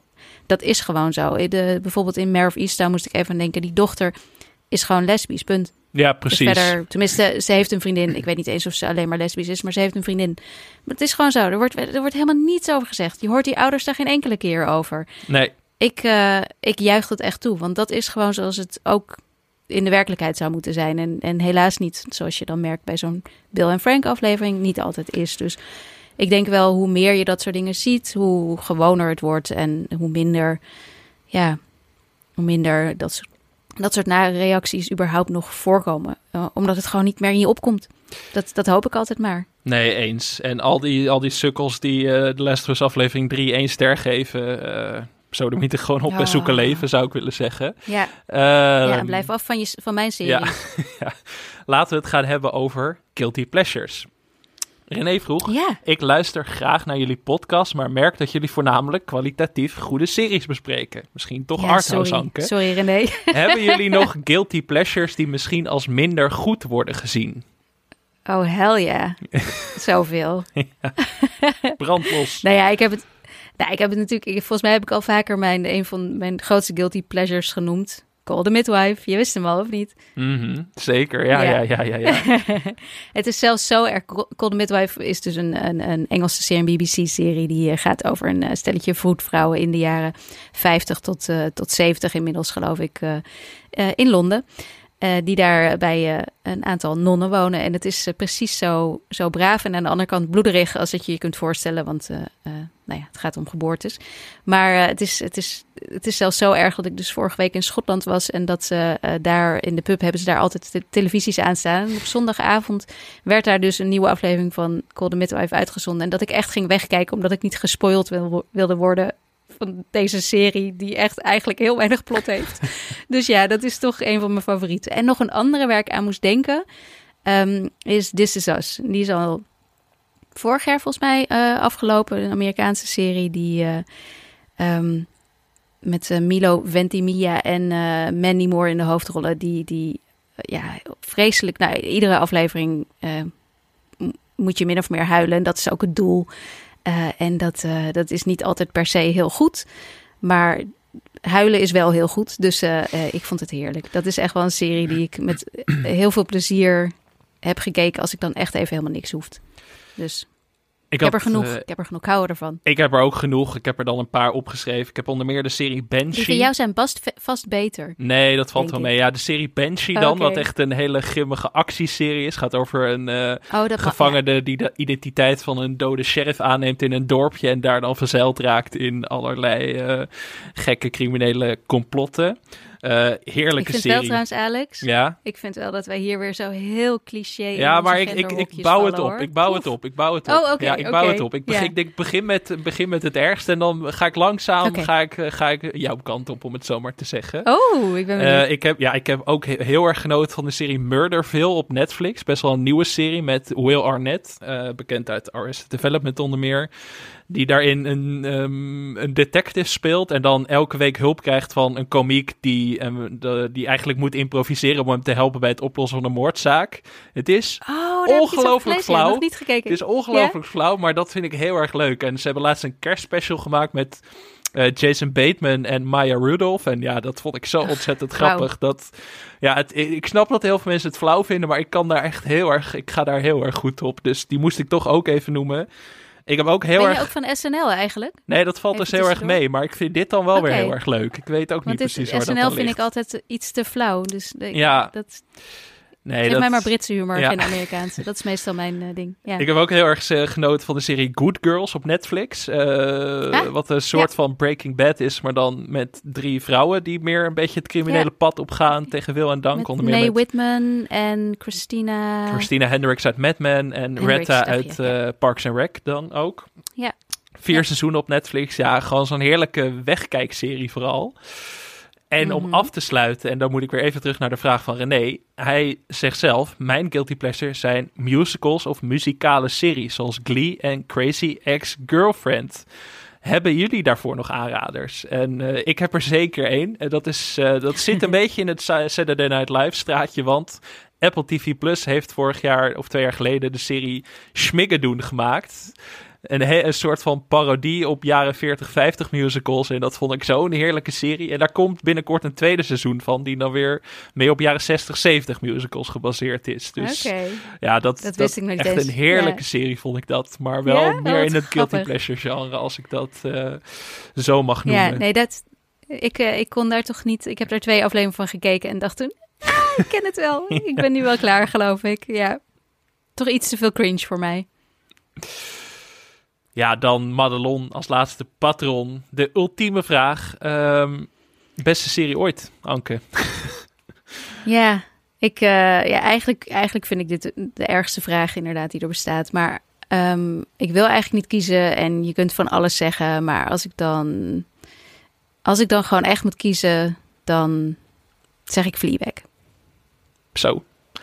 Ja, ja, het is altijd beste of favoriete is altijd de vraag. Als ik zou, zeggen, zou moeten Precies. zeggen beste, zou ik waarschijnlijk de Sopranos zeggen. Als ik zeg favoriete, zou Ja. ik Twin Peaks zeggen. Dat is altijd mijn antwoord in dit soort ja, gevallen. ja, Sopranos, precies. Dat, het beste is Sopranos, Sopranos, of Better voor Call Saul voor mij. Dan eigenlijk die twee Mhm. naast elkaar. Mhm. Dus dan is die vraag ehm, toch beantwoord uiteindelijk. Afgevinkt, klaar. Afgevinkt. Eh, ja, we gaan, eh, we gaan nog even snel naar wat andere vragen, Anke. We zitten lekker in de tijd, maar Ja. we hebben zoveel leuke vragen binnengekregen. Ja, wacht, dat we ze vroegen ook nog. Ze vroegen ook nog. Welke serie hebben jullie lang geweigerd, maar bleek uiteindelijk toch de moeite waard? En toen dacht ik, oh ja, dat kan ik wel beantwoorden. Want dat vind ik eigenlijk een moeilijke vraag. Maar ik heb natuurlijk heel lang gedacht dat Dairy Girls heel stom was. Terwijl Oh, Dairy ja. Girls fantastisch leuk is. Dus dat, eh, dat was mijn eh, antwoord daarop. Ja, nou, als ik, dan geef ik ook nog even snel een antwoord. Ik heb heel lang gewacht met Lost, omdat ik pas ging kijken Ah. nadat er heel veel kritiek was op dat einde. En ik dacht, ja, als het einde zo slecht is, waarom zou ik er dan naar gaan kijken? Eh, maar toen ben ik Lost uiteindelijk wel weer gaan kijken. Ik had het wel eens gezien, wat afleveringen, maar Lost gewoon heel erg goed. En het einde, ik vind het een beetje eh, gezeur ook of zo. Ik heb wel slechtere serie-eindes gezien. Ik denk, mensen moeten maar eens naar Dexter of zo gaan kijken. Want dan zie je pas echt wat een slecht serie-einde is. Maar dat was wel een serie waar Misschien- ik lang gewacht heb uiteindelijk. Misschien kunnen we het nog wel eens een keertje hebben over, eh, over inderdaad wat daar allemaal gebeurd is. En over serie-eindes en zo. Dat is wel ja, een leuk dat is wel een leuke special als er weer niks Ja. leuks uitkomt. Ja. Ehm, documentaire series. Warnita was Ja. benieuwd naar onze documentaire tips. Dat zijn dan wel geen echte series, alhoewel ze tegenwoordig ook vaak in meerdere delen beschikbaar komen. Er zitten vast parels tussen die jullie willen aanbevelen. Ja, er zijn, eh, er zijn juist heel veel eh, documentaire series inderdaad de laatste tijd. Ehm, ik heb er zeker wel een, eh, een paar, want ik schrijf ook wel regelmatig. Ik, ik sta dan ook wel bekend bij mijn opdrachtgevers als iemand die over documentaire series schrijft. Dus ik mag ze gelukkig vaak ook doen. Ehm, ik heb volgens mij al een keertje verteld over eh 100 Foot Wave van Chris Smith. Die had eh, ook senior gemaakt. Daar had ik hem toen voor geïnterviewd. En toen heb, ben ik ook deze gaan kijken over eh, een surfer die op zoek gaat naar eh, een 30 meter ho- hoge golf. Ehm, wat echt wel een hele toffe, ehm, spannende serie was. Ehm, ik vond vorig jaar ook We Need to Talk About Cosby heel erg goed. Van eh, eh, W. Kamau Bell. Over natuurlijk Bill Cosby en hoe je daar nu mee om moet gaan. Met die, ja, die liefde voor, die je voelt voor, voor hem in de Cosby Show bijvoorbeeld. Of zijn vroeger werk. En wat je nu over hem weet. Vond ik Mhm. erg indrukwekkend. Ehm, staat op NPO Plus. 100 Foot Wave staat op HBO Max. Eh, en dan vond ik ook in een bijzondere vorm vooral... vond ik Colin in Black and White. Is van eh, Eva DuVernay. Van, eh, ook van Wendy Cias weer. Ehm, dat gaat over Colin Kaepernick. En is een soort van... Dat houdt het midden tussen een... Ja, een soort van... Ja, dramedy eigenlijk en, eh, eh, en een documentaire vorm. Ehm, en vond ik toch ook, en die gaf mij wel echt wel wat nieuwe inzichten en ideeën. Eh, en was gewoon vooral een hele goede showcase voor Kaepernick om eindelijk ook zijn kant van het verhaal te vertellen. En vooral ook te reageren op al die idioten die alles, altijd maar van alles over hem geroepen hebben. Colin Kaepernick is die voetbalspeler, die Amerikaanse voetbalspeler die knielde ehm, en vervolgens geschorst is. Ehm, en dan een van mijn favoriete documentaire series van de afgelopen jaren. Die is al iets ouder. dat was I'll Be Gone in the Dark. Wat oh, een, ja. ehm, ja, wat een serie was over en door gedeeltelijk uh, Michelle McNamara. Dat is de vrouw van Patton Oswalt, komiek. Um, zij is overleden en dat laat ook deze serie laat dat ook eigenlijk zien. Je ziet haar in allerlei opnames die daarvoor zijn gemaakt. Je ziet ook wat er gebeurt als ze overlijdt. Het is allemaal heel heftig, maar het is tegelijkertijd ook een soort van true crime serie, omdat zij onderzoek doet naar de Golden State Killer. En dat, ook dat verhaal. Dus het zijn eigenlijk meerdere verhalen door elkaar. En het is ontzettend. Um, het, is, het is een heel heftig verhaal. Het Golden State Killer verhaal is heel heftig. Ook heel mooi en integer verteld. Want normaal zijn dat soort series die spelen altijd in op. Op je grootste angst met de. Met de de manier waarop ze dan uh, alles hervertellen. En dat, dat doet deze serie best wel goed, best wel integer. Uh, en haar verhaal is ook vreselijk aangrijpend. Dus ik vond dat een van de gewoon überhaupt beste series die ik toen in dat jaar, en dat zal twee, drie jaar geleden zijn, um, heb gezien. Dus dat zijn mijn tips. Uh, ik had er ook nog een paar, uiteraard. Ik kijk iets minder documentaire series dan jij, volgens mij, maar toch best wel wat. Um, ehm, OJ Made in America wil ik toch even noemen. Een documentaire serie over O.J. Simpson. Een van de beste documentaire series die ik ooit gezien heb. Is volgens mij te zien op Disney Plus. Dus die is echt heel erg de moeite waard. Um, als je meer een beetje in, into journalistiek en media bent, uh, The Fourth Estate over de New York Times, die vond ik heel goed. En voor de wat meer voetbal-minded mensen onder ons zou ik Sunderland Till I Die en Welcome to Wrexham even willen noemen. Dat zijn twee oh ja.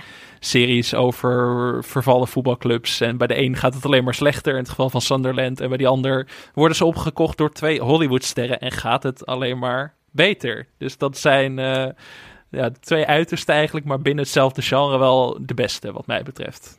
Van de laatste okay, jaren. En die laatste is te zien op Prime. En de, die andere twee? Nee, uh, Welcome to Wrexham is te zien op Disney Plus. En The Lentilla Die oh, is Disney op Plus, Netflix sorry. te zien. En die New York Times serie is te zien op NPO Plus. Oké, okay, en uh, ik was nog even vergeten dat Albicon in the Dark op HBO Max staat. Kijk, zijn we weer helemaal bijgepraat. Kijk, ja. We gaan snel door naar de spin-offs. Want Gert-Jan vroeg van welke afgeronde serie zou er een spin-off moeten komen en waarover zou die moeten gaan? Um, ja, dit was een lastige, hè? Nou, weet je wat het een beetje is? Ik ben op dit moment. Ik, ik geloof dat ik een beetje spin-off moe ben. Misschien komt het omdat ik net een heel stuk over Taylor Sheridan en al zijn Yellowstone spin-offs heb geschreven. Um, maar het is eigenlijk. Ik, ik, vandaag kwam gisteren, geloof ik, of vandaag kwam er ook weer een nieuwtje dat Billions, een serie die erg goed begon en heel slecht uiteindelijk is geworden, dat hij Mhm. ook uh, spin-offs krijgt. En echt serieus, het lijkt alsof het van de speld komt, maar ze gaan het millions en trillions noemen. Dus ik, ik, ja, ik sla deze nu alvast over. Um, ik ben eigenlijk een beetje, ik ben misschien een beetje klaar. Ik ben spin-off moe, merk ik. En uh, ja, ik, ik, weet het niet. Ik heb eigenlijk op dit moment geen enkele serie waar een spin-off van moet komen. Jij? Nee, ik heb hetzelfde. Maar aan de andere kant was ik ook heel huiverig toen Better Call Saul werd aangekondigd als spin-off van Breaking Bad. En dat is nu een van mijn favoriete series aller tijden. Dus ik probeer daar altijd voorzichtig mee te zijn. Maar ik ben ook... Ik, verzin nieuwe dingen. Daar ben ik wel gewoon voor. Iets meer nieuwe Dus dingen en iets minder Trillions, spin-offs. eh, Dus ik ga Trillions, denk ik, even laten voor wat het is. Serieus. Sowieso rijke mensen hebben we ook geen tekort aan op tv de laatste tijd. Dus Nee. dat mag ook wel een tandje minder wat mij betreft. En ik snap ook niet dat ze dachten: hé, hey, deze serie gaat zo goed. We gaan. Nou ja, laat maar. Echt. Leuke serie. Kijk vooral de eerste twee seizoenen en uh, daarna mag je het laten gaan. Mooie brug naar de vraag van Anne over teleurstellingen. Wat zijn nu echt series waarvan jullie redelijk hoge verwachtingen hadden, maar die uiteindelijk toch best wel tegenvielen? Uh, ik had één serie die me meteen te binnen schoot, best wel een recente serie van Netflix. Uh, de comedy-serie Space Force met Steve Carell in de hoofdrol Oh ja. en van Greg Daniels, ja. die The Office en Parks and Rec heeft gemaakt. Twee van mijn favoriete comedy-series, dus... Wat zou er mis kunnen gaan? Er waren ook heel veel leuke bijrolacteurs, zoals John Malkovich en Lisa Kudrow. Dus wat kon er fout gaan? En die serie die is heel erg mislukt eigenlijk. Was nooit, wilde Ja. nooit echt grappig worden en is na twee seizoenen ook gecanceld. Tweede seizoen was iets beter, maar het werkte gewoon niet. En dat was echt zo'n serie waar ik heel veel van verwachtte en echt maanden naar uitkeek. En het werkte gewoon niet. Ja, dat, uh, ik moet trouwens wel nu even meteen aan Avenue 5 denken, waar we het niet over gehad hebben, maar wat ook een serie is die na seizoen 1 ja. zoveel beter weer werd. Ja, trouwens, seizoen 1 was uiteindelijk. Ook seizoen goed. 1 was ook niet zo heel erg slecht, maar dat, de eerste paar afleveringen waren wat minder. Maar dat is ook zo'n serie die daar wel in kan. Maar series die dus tegenvielen juist. Um, ja, ik moest eigenlijk meteen denken aan The Shrink Next Door. Oh ja. Met uh, Will Ferrell en Paul Rudd. En dat vanwege die twee namen. En het feit dat het op Apple kwam. En het feit dat ook Catherine Han erin zat. Ik, nou ja, ik, ik was bij voorbaat al uh, helemaal verkocht. En heb uiteindelijk. Ja, het was niet slecht. Het was niet vreselijk. Het was gewoon niet echt iets wat me greep of zo. Gewoon meer van uh, verwacht uiteindelijk, toch? Ja, veel meer. Veel meer. Het was gewoon. Het, ja, soms dan is een serie Um, ik heb toevallig nu ook nog een andere serie gekeken waar we het volgende week nog wel even over kunnen hebben. Um, die dit ook heeft. Een serie waarvan je dan waarvan je denkt op papier klopt het allemaal. Uh, in de uitvoering ook. Het ziet er fantastisch uit. Iedereen speelt goed. Um, wat jullie zeggen klinkt goed. Het zijn geen lullige Yellowstone-achtige dialogen. Sorry voor alle Yellowstone-fans. En, en toch doet het me niks. Hmm. Het interesseert me niet. Ik, maar het, ik, ja, ik, ik hoef eigenlijk het einde van het verhaal niet te weten. En dat kan toch niet de bedoeling zijn?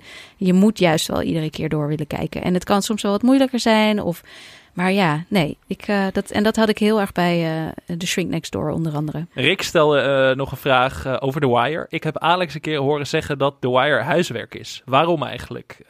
dit moet ik even nuanceren. Heb dat net al een beetje gezegd. Ja, ik, heb, ik heb het vooral over de maker het van The Wire. Het was huiswerk. Het, het oh, was, ja. ja, het, was, het was inderdaad letterlijk huiswerk voor mij. Nee, daarvoor had ik het ook wel gezien. Maar ik vind The Wire niet per se huiswerk. Maar ik vind de series van David Simon hebben soms wel een beetje iets huiswerkachtigs. Maar huiswerk is niet per se iets slechts of zo. Als het vak leuk genoeg is, dan kan huiswerk ook heel erg leuk zijn. Dus, maar er zat, mm -hmm. al, er zat soms iets in, in zijn serie zit soms iets waarvan ik denk, dit is heel goed. Maar het is ook soms dat, ik de, het, dat er ook ergens iets mist aan, aan vermaak of zo. Dat het vooral belangrijke series zijn. En daar, dat het daar ja. in het evenwicht misschien soms een beetje misgaat. Dat er misschien net net wat meer lucht in zou mogen. Ja. Of een beetje humor soms. Maar ja. ik, ik zal The Wire niet afdoen als, als moeilijk huiswerk. Ik bedoel, ik ben ook niet gek, dus dat ga ik absoluut niet doen. Uh, om even door te gaan over The Wire. Henry stelde de vraag. Uh, ik trok The Wire niet meer. Is Twin Peaks anno 2023 nog wel de moeite waard? En daarmee doelt hij natuurlijk op het feit dat het oude series zijn. En hier kan ik heel kort op zijn. Twin Peaks is altijd de moeite waard. En ook anno 2073 zal Twin Peaks nog steeds de moeite waard zijn.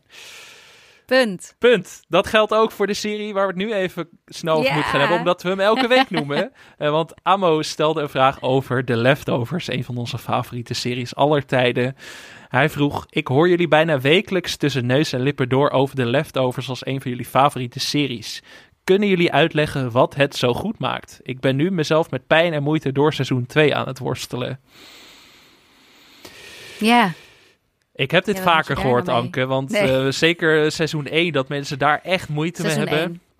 Ik ja. ben de serie toevallig ja. aan het herkennen kijken. Ik ben voor dit weekend daarmee oh. begonnen omdat ik daar zin in had. En dat had ik nog niet echt gedaan met de leftovers. Dus ik, ik dacht, daar is het ik tijd voor. de hele tijd niet meer. En ik mm. snap wel dat mensen bij seizoen 1 vooral daarmee worstelen. Seizoen 2, als je daar nog moeite mee hebt, dan denk ik dat het gewoon niet jouw serie is, eerlijk gezegd. Nee, dat denk ik ook. Ja. Want seizoen 2 is wat mij betreft seizoen... briljant. Uh, ja. Dus als het dan niet werkt, dan vrees ik dat het gewoon niet je kopje thee is. Wat prima is volgens mij. Wat mag. Ja. ja wat zeker mag. Ja, nee, daar ben ik het echt helemaal mee eens. Ik, de, seizoen 1 uh, is, is ook prachtige uh, uh, televisie, maar het is wel heel zwaar. Als je het dan hebt over een stukje lucht, ja.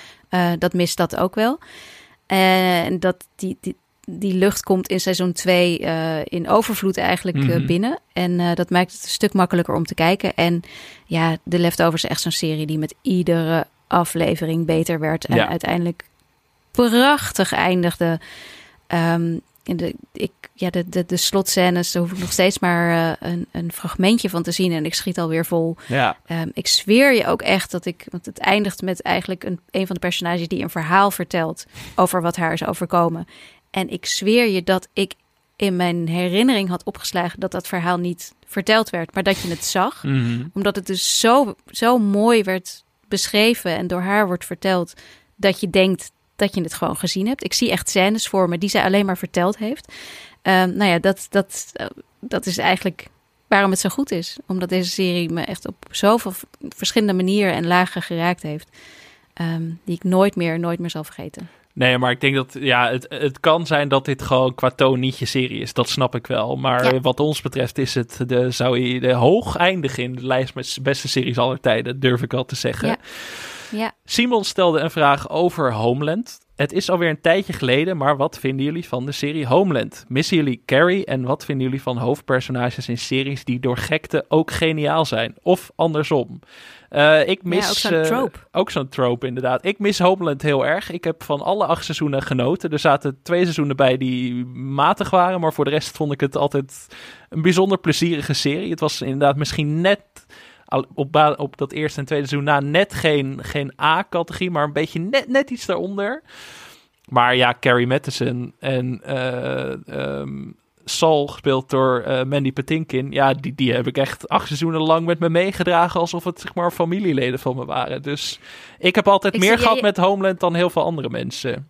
Ik wou zeggen, je kunt mijn. Uh, ik zit met een microfoon voor mijn neus. Dus je kunt mijn, volgens mij mijn uitdrukking niet zo heel goed zien. Maar ik, mijn mond viel open van verbazing. Alex. Ja, nee, ik had geen ik, idee. Ik ben groot fan. Ik was altijd groot fan van Homeland. Maar de, de, ja, ik weet niet. Ik vind hem ook.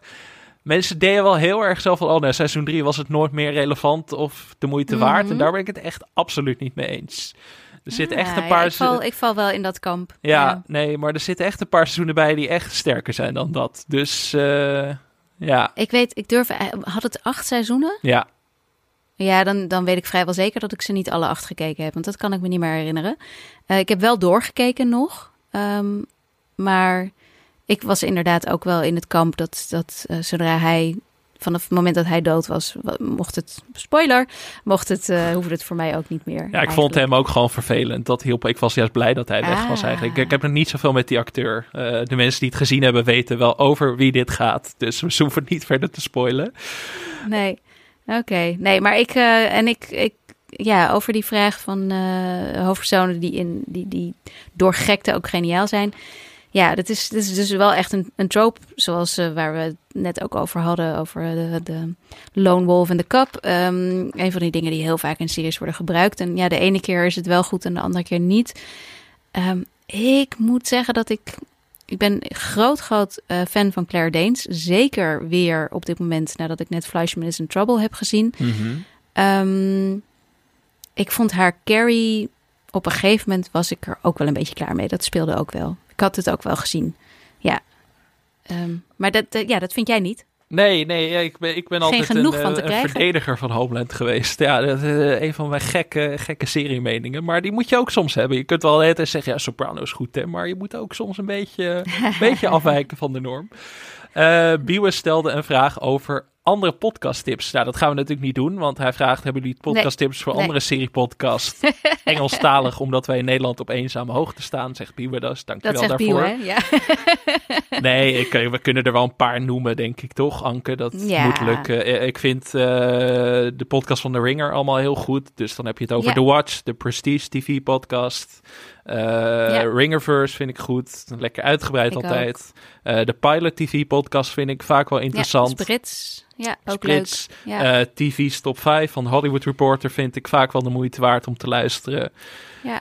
Uh, dus ja, dat eigenlijk. En verder vooral ja, lekker skip intro luisteren. Want deze aflevering duurt inmiddels zo lang dat je helemaal geen tijd meer hebt voor een andere podcast. Oh, en The Town. Had ik, die noemde ik vorige week ook. The Town. Goed, Als je een beetje, beetje meer over de, de soort van zakelijke kant van uh, Hollywood wil horen. Ook van The Ringer. Oh, en, en Into It met Sam Sanders. Die heeft niet, gaat niet altijd over uh, series of films, maar wel regelmatig. En daar zitten ook een aantal. Dat is echt ook een hele leuke podcast. En um, ja, en You're Wrong About ook heel leuk. Ja, ik heb zoveel leuke podcasts. Ja. Ha, maar bewaar ze voor de volgende eerst, keer. Eerst ja. skip intro luisteren. ja, heel goed. Uh, Doreen stelde een tip en vraag in één. Uh, zij vond Rectify seizoen 1 fantastisch, maar heeft de rest niet kunnen zien, want gods onmogelijk te vinden. Hebben wij de serie gezien en wat vonden jullie? Ik geloof, ik zag op Twitter dat ze hem gevonden heeft bij haar In de lokale bibliotheek. Biep, ja, die, ja, mooie, mooie, was. mooie dus, einde aan dit verhaal. Een heel bevredigend ja, slot. Was, ja. Het was een heel ding en uh, het was bijna nog spannender dan de serie zelf. Maar ja, nee, uiteindelijk uh, is dat dus goed gekomen. Um, ik moet heel eerlijk zeggen dat ik hem niet heb gezien. Ja, ik heb dat eerste seizoen dus op DVD zelf. Uh, ik heb dat eerste seizoen ook gezien. En jij weet dat ik alles normaal altijd wil afkijken. En ik heb dit niet afgekeken, omdat het op een gegeven moment het stond op Netflix en ik wilde door gaan kijken. En toen werd het volgens mij ineens van Netflix afgehaald. En toen was het inderdaad niet echt meer te zien. En toen, toen is het een beetje weggegaan in mijn culturele Hmm. geheugen. En door die tweet van Doreen dacht ik, ja, dit moet ik echt snel gaan afmaken. Want ik vond het eerste seizoen Waar echt gaat het over? geweldig. Ja, ik ben dus nu ook wel. Ik weet niet waarom ik deze heb gemist, maar ja, je kunt niet alles eh, meekrijgen natuurlijk. Het gaat Waar even gaat het uit mijn hoofd over? een onterecht veroordeelde die na een lange gevangenisstraf weer terugkomt in de samenleving. Volgens mij heeft hij 20 jaar vastgezeten. En volgens mij was hij ter dood veroordeeld, maar dus eh, vals. En toen is hij weer vrijgekomen en dat gaat heel erg over zijn leven weer terug in de maatschappij eigenlijk. Daar gaat het over, even heel erg in het kort. Een serie die En vier met- seizoenen liep. eh, niet met heel veel bekende acteurs. Volgens mij zit eh, Jerry uit Succession speelt een belangrijke rol. Dus eh, ben ik even de naam leuk. van de actrice kwijt. J. Smith Cameron. Ja, die speelt een belangrijke rol. Dus die is altijd goed. Maar ja, wel zo'n serie waarbij ik wel dacht... oh, dit doet wel wat anders. En een hele mooie serie. Ik vond het eerst toen wel heel goed. Dus ik was blij met deze reminder van Doreen in ieder geval. Wat grappig. Ik zit even inderdaad een beetje op te zoeken nu, maar ik, ik, het zegt me gewoon ook helemaal niks. Dit is echt een serie die ik volledig heb gemist. Ah, dit Dank is ook zo'n serie die midden in, in die enorme stroom aan kwaliteitsseries is uitgekomen. En dat is typisch dus zo'n vergeten serie die prima in het blokje van Daan zou passen. Dus Misschien die kan noteren Doreen we ook wat ook inspreken. alvast. Ja. Eh, Ilonka, stelt natuurlijk vaker vragen, dank je wel daarvoor. Eh, die zegt, ik kijk verschillende series op verschillende diensten tegelijk. En soms, lees, meestal weet ik niet meer welke serie op welke streamer staat. Hoe doen jullie dat? En hebben jullie tips om dat te onthouden? Ehm, ik heb daar niet echt tips voor. Eh, bij mij is het puur op basis van het zit in mijn hoofd en daardoor onthoud ik het eigenlijk. Ik weet eh, waar ze in Amerika gemaakt zijn, bij welke studio, et cetera, et cetera. En zo weet ik precies waar ze hieruit gaan komen. Maar helaas is dat voor de, voor de gewone kijker een beetje moeilijk over te brengen. Ik kan wel zeggen, ja, je moet je inlezen op alles en naar alles gaan luisteren en naar alles gaan Mhm. kijken, dan weet je het wel. Maar misschien heb jij wel die gouden tip, Anke. Nee, nee, ook helemaal niet. Nee, ik weet dan inderdaad van, oh ja, dat was een FX-serie en FX komt bij ons op Disney. Ja. Ehm, wat ook wel redelijk helpt, is dat ik inderdaad daar persberichten over krijg en daarover lees en misschien wel drie keer op verschillende plekken over schrijf. Eh, en als je dan een paar, het is, het is net huiswerken, als je dan een paar keer hebt geschreven, is te zien op Apple TV Plus, dan, dan blijft dat toch wel een beetje in je hoofd hangen. ja. Ik heb verder ook echt geen idee. Ik weet dat ik in. ehm, eh, tot voor kort, wij hebben nu een Apple TV die we gebruiken beneden, zeg maar als systeem. Eh, daarvoor had ik een Roku en op Roku kon je gewoon zoeken. En dan liet hij zien in welke van de streamers eh, het stond. Dat was heel handig. Ik weet niet helemaal zeker of Apple TV dat heeft, want dat heb ik nog nooit geprobeerd. Maar wat ik wel weet is dat, ze, dat, dat je dus ook niet alleen de Apple-series komen bovenin te staan in je je bent nu aan het kijken lijst, maar ook eh, HBO Max-series bijvoorbeeld. Dus misschien dat zo'n systeem al een beetje kan helpen, dat je het wat makkelijker terugvindt. Maar nee, misschien dat ik. Je hebt er helemaal niks aan, Ilonka, sorry. Misschien, eh, eh, misschien dat mensen nog eh, die luisteren nog een eh, goede tip hebben. Ja, laat vooral van je horen, zou ik willen zeggen. Want eh, je helpt Ilonka ermee. En daar zijn we allemaal mee geholpen. Eh, Ilonka noemde ook nog een paar serietips op HBO Max. Rome, The Nick en The Deuce. En die zou ik allemaal willen onderschrijven. Dus mocht je nog niet genoeg serietips hebben na dit lange uur... dan, dan geeft Ilonka ook nog wat tips. Dus dank daarvoor, Ilonka. Ehm, Nina stelde de vraag van welke serie zou je willen dat, deze, dat je deze nog een keer voor het eerst zou kunnen kijken. Ehm, heel eerlijk, dat geldt eigenlijk voor alle goede series die ik gezien heb wel. Zeker voor mijn favoriete series zou ik wensen dat ik ze allemaal weer opnieuw kon gaan beleven. Al ben Dus, ik ook eh, wel blij dat ik series al gezien heb, want anders dan zijn er nog meer series die Ja, ik moet inhalen. Dus Dat, dat is ook waar. dus ik wil niet, eigenlijk niet mijn geheugen nu kwijtraken of zo. Dat ik alles weer opnieuw moet leren kennen. Dat zou toch ook jammer zijn. Maar het is natuurlijk die, die hele belevenis die je nog een keer wil meemaken. Ja, dat is Ja, wel. dat, zijn dat, er, dat gevoel zijn er is, echt heel veel. dat gevoel is zo moeilijk te, ja, te recreëren eigenlijk. Dat, dat is echt uniek denk- in die zin. Eigenlijk, en, en nu ga ik wel iets zeggen wat je misschien niet helemaal verwacht. Ik denk dat ik eh, eh, Game of Thrones nog voor het eerst zou willen zien. Oh, Omdat ik echt, dat, ja, omdat ik dat dus wel echt een ervaring vond. Dat, dat, dat eh, mensen doodgingen, dat hoofdpersonen doodgingen. En The Red Wedding. En er zaten echt momenten in die ik, die ik nu, als ik ze nu zou zien, denk ik, ja, het zal wel, maar die wel echt shocking waren en vernieuwend op tv. Dus dat, dat hele gevoel van, holy fuck, wat gebeurt hier? Um, dat, uh, dat ja, had ik zeker bij Game of Thrones. Maar ook wel bij heel veel andere toffe series die ik gezien heb. Ik bedoel, ja, The Last of Us heeft ook wel een paar van dat soort momenten. En ik ben heel blij dat ik die nu als eerste weer voor het eerst mag kijken. Dus uh, ja. Ja, daarop aansluitend in zekere zin stelde Mike nog de vraag: wat waren de interessantste serie-mislukkingen die jullie toch hebben uitgekeken? Uh, nou, interessant niet per se, maar eh, zoals ik al zei, zijn er toch best wel wat series die eigenlijk al in het ravijn aan het storten waren, maar die ik toch ben blijven kijken. House of Cards is daar denk ik het voornaamste voorbeeld van. Wat echt de laatste paar seizoenen waanzinnig kut was, maar ik ben toch blijven kijken. Je had ook op Netflix. Ja, dat, daar ben ik beter in, inderdaad. Als je het beter kan noemen. En je had op Netflix ook de serie Designated Survivor met Kiefer Sutherland, dat toen heel ah. even een hype was. No ja, en die serie was al niet goed, maar die heb ik helemaal afgekeken en ik weet nog steeds niet waarom.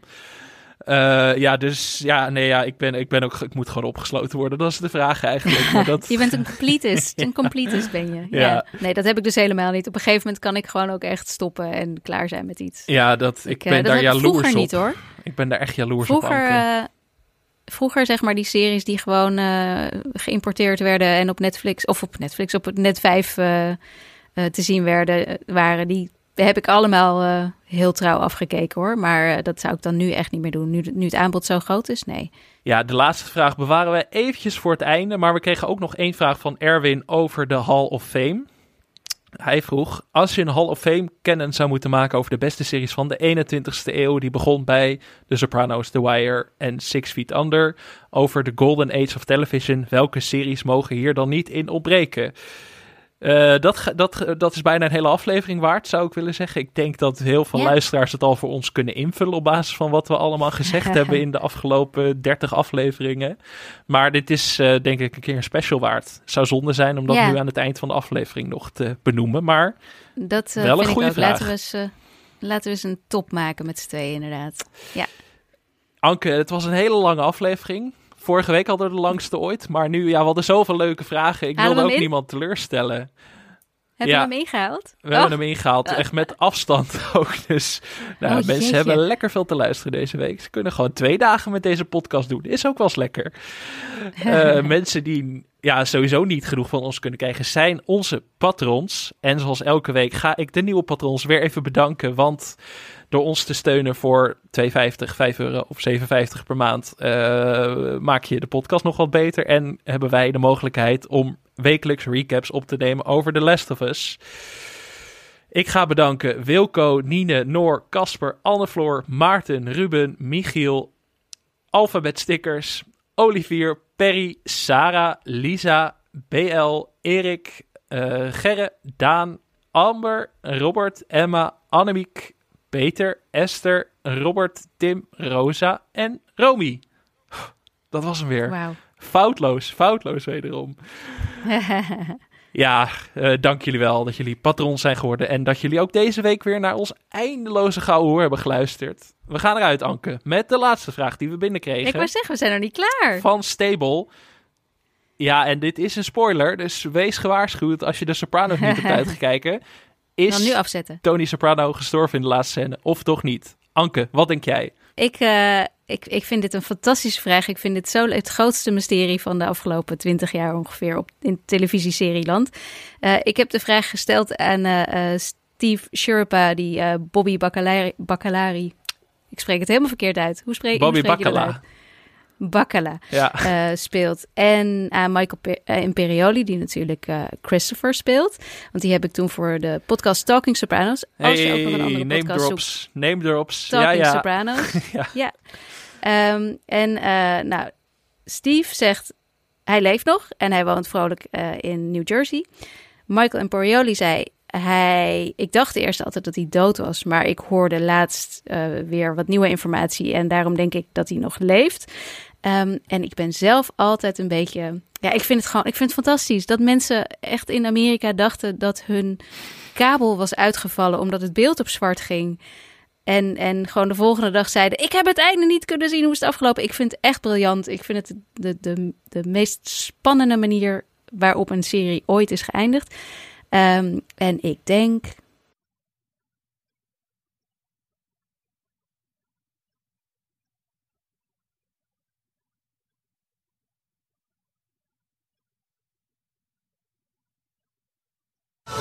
stop.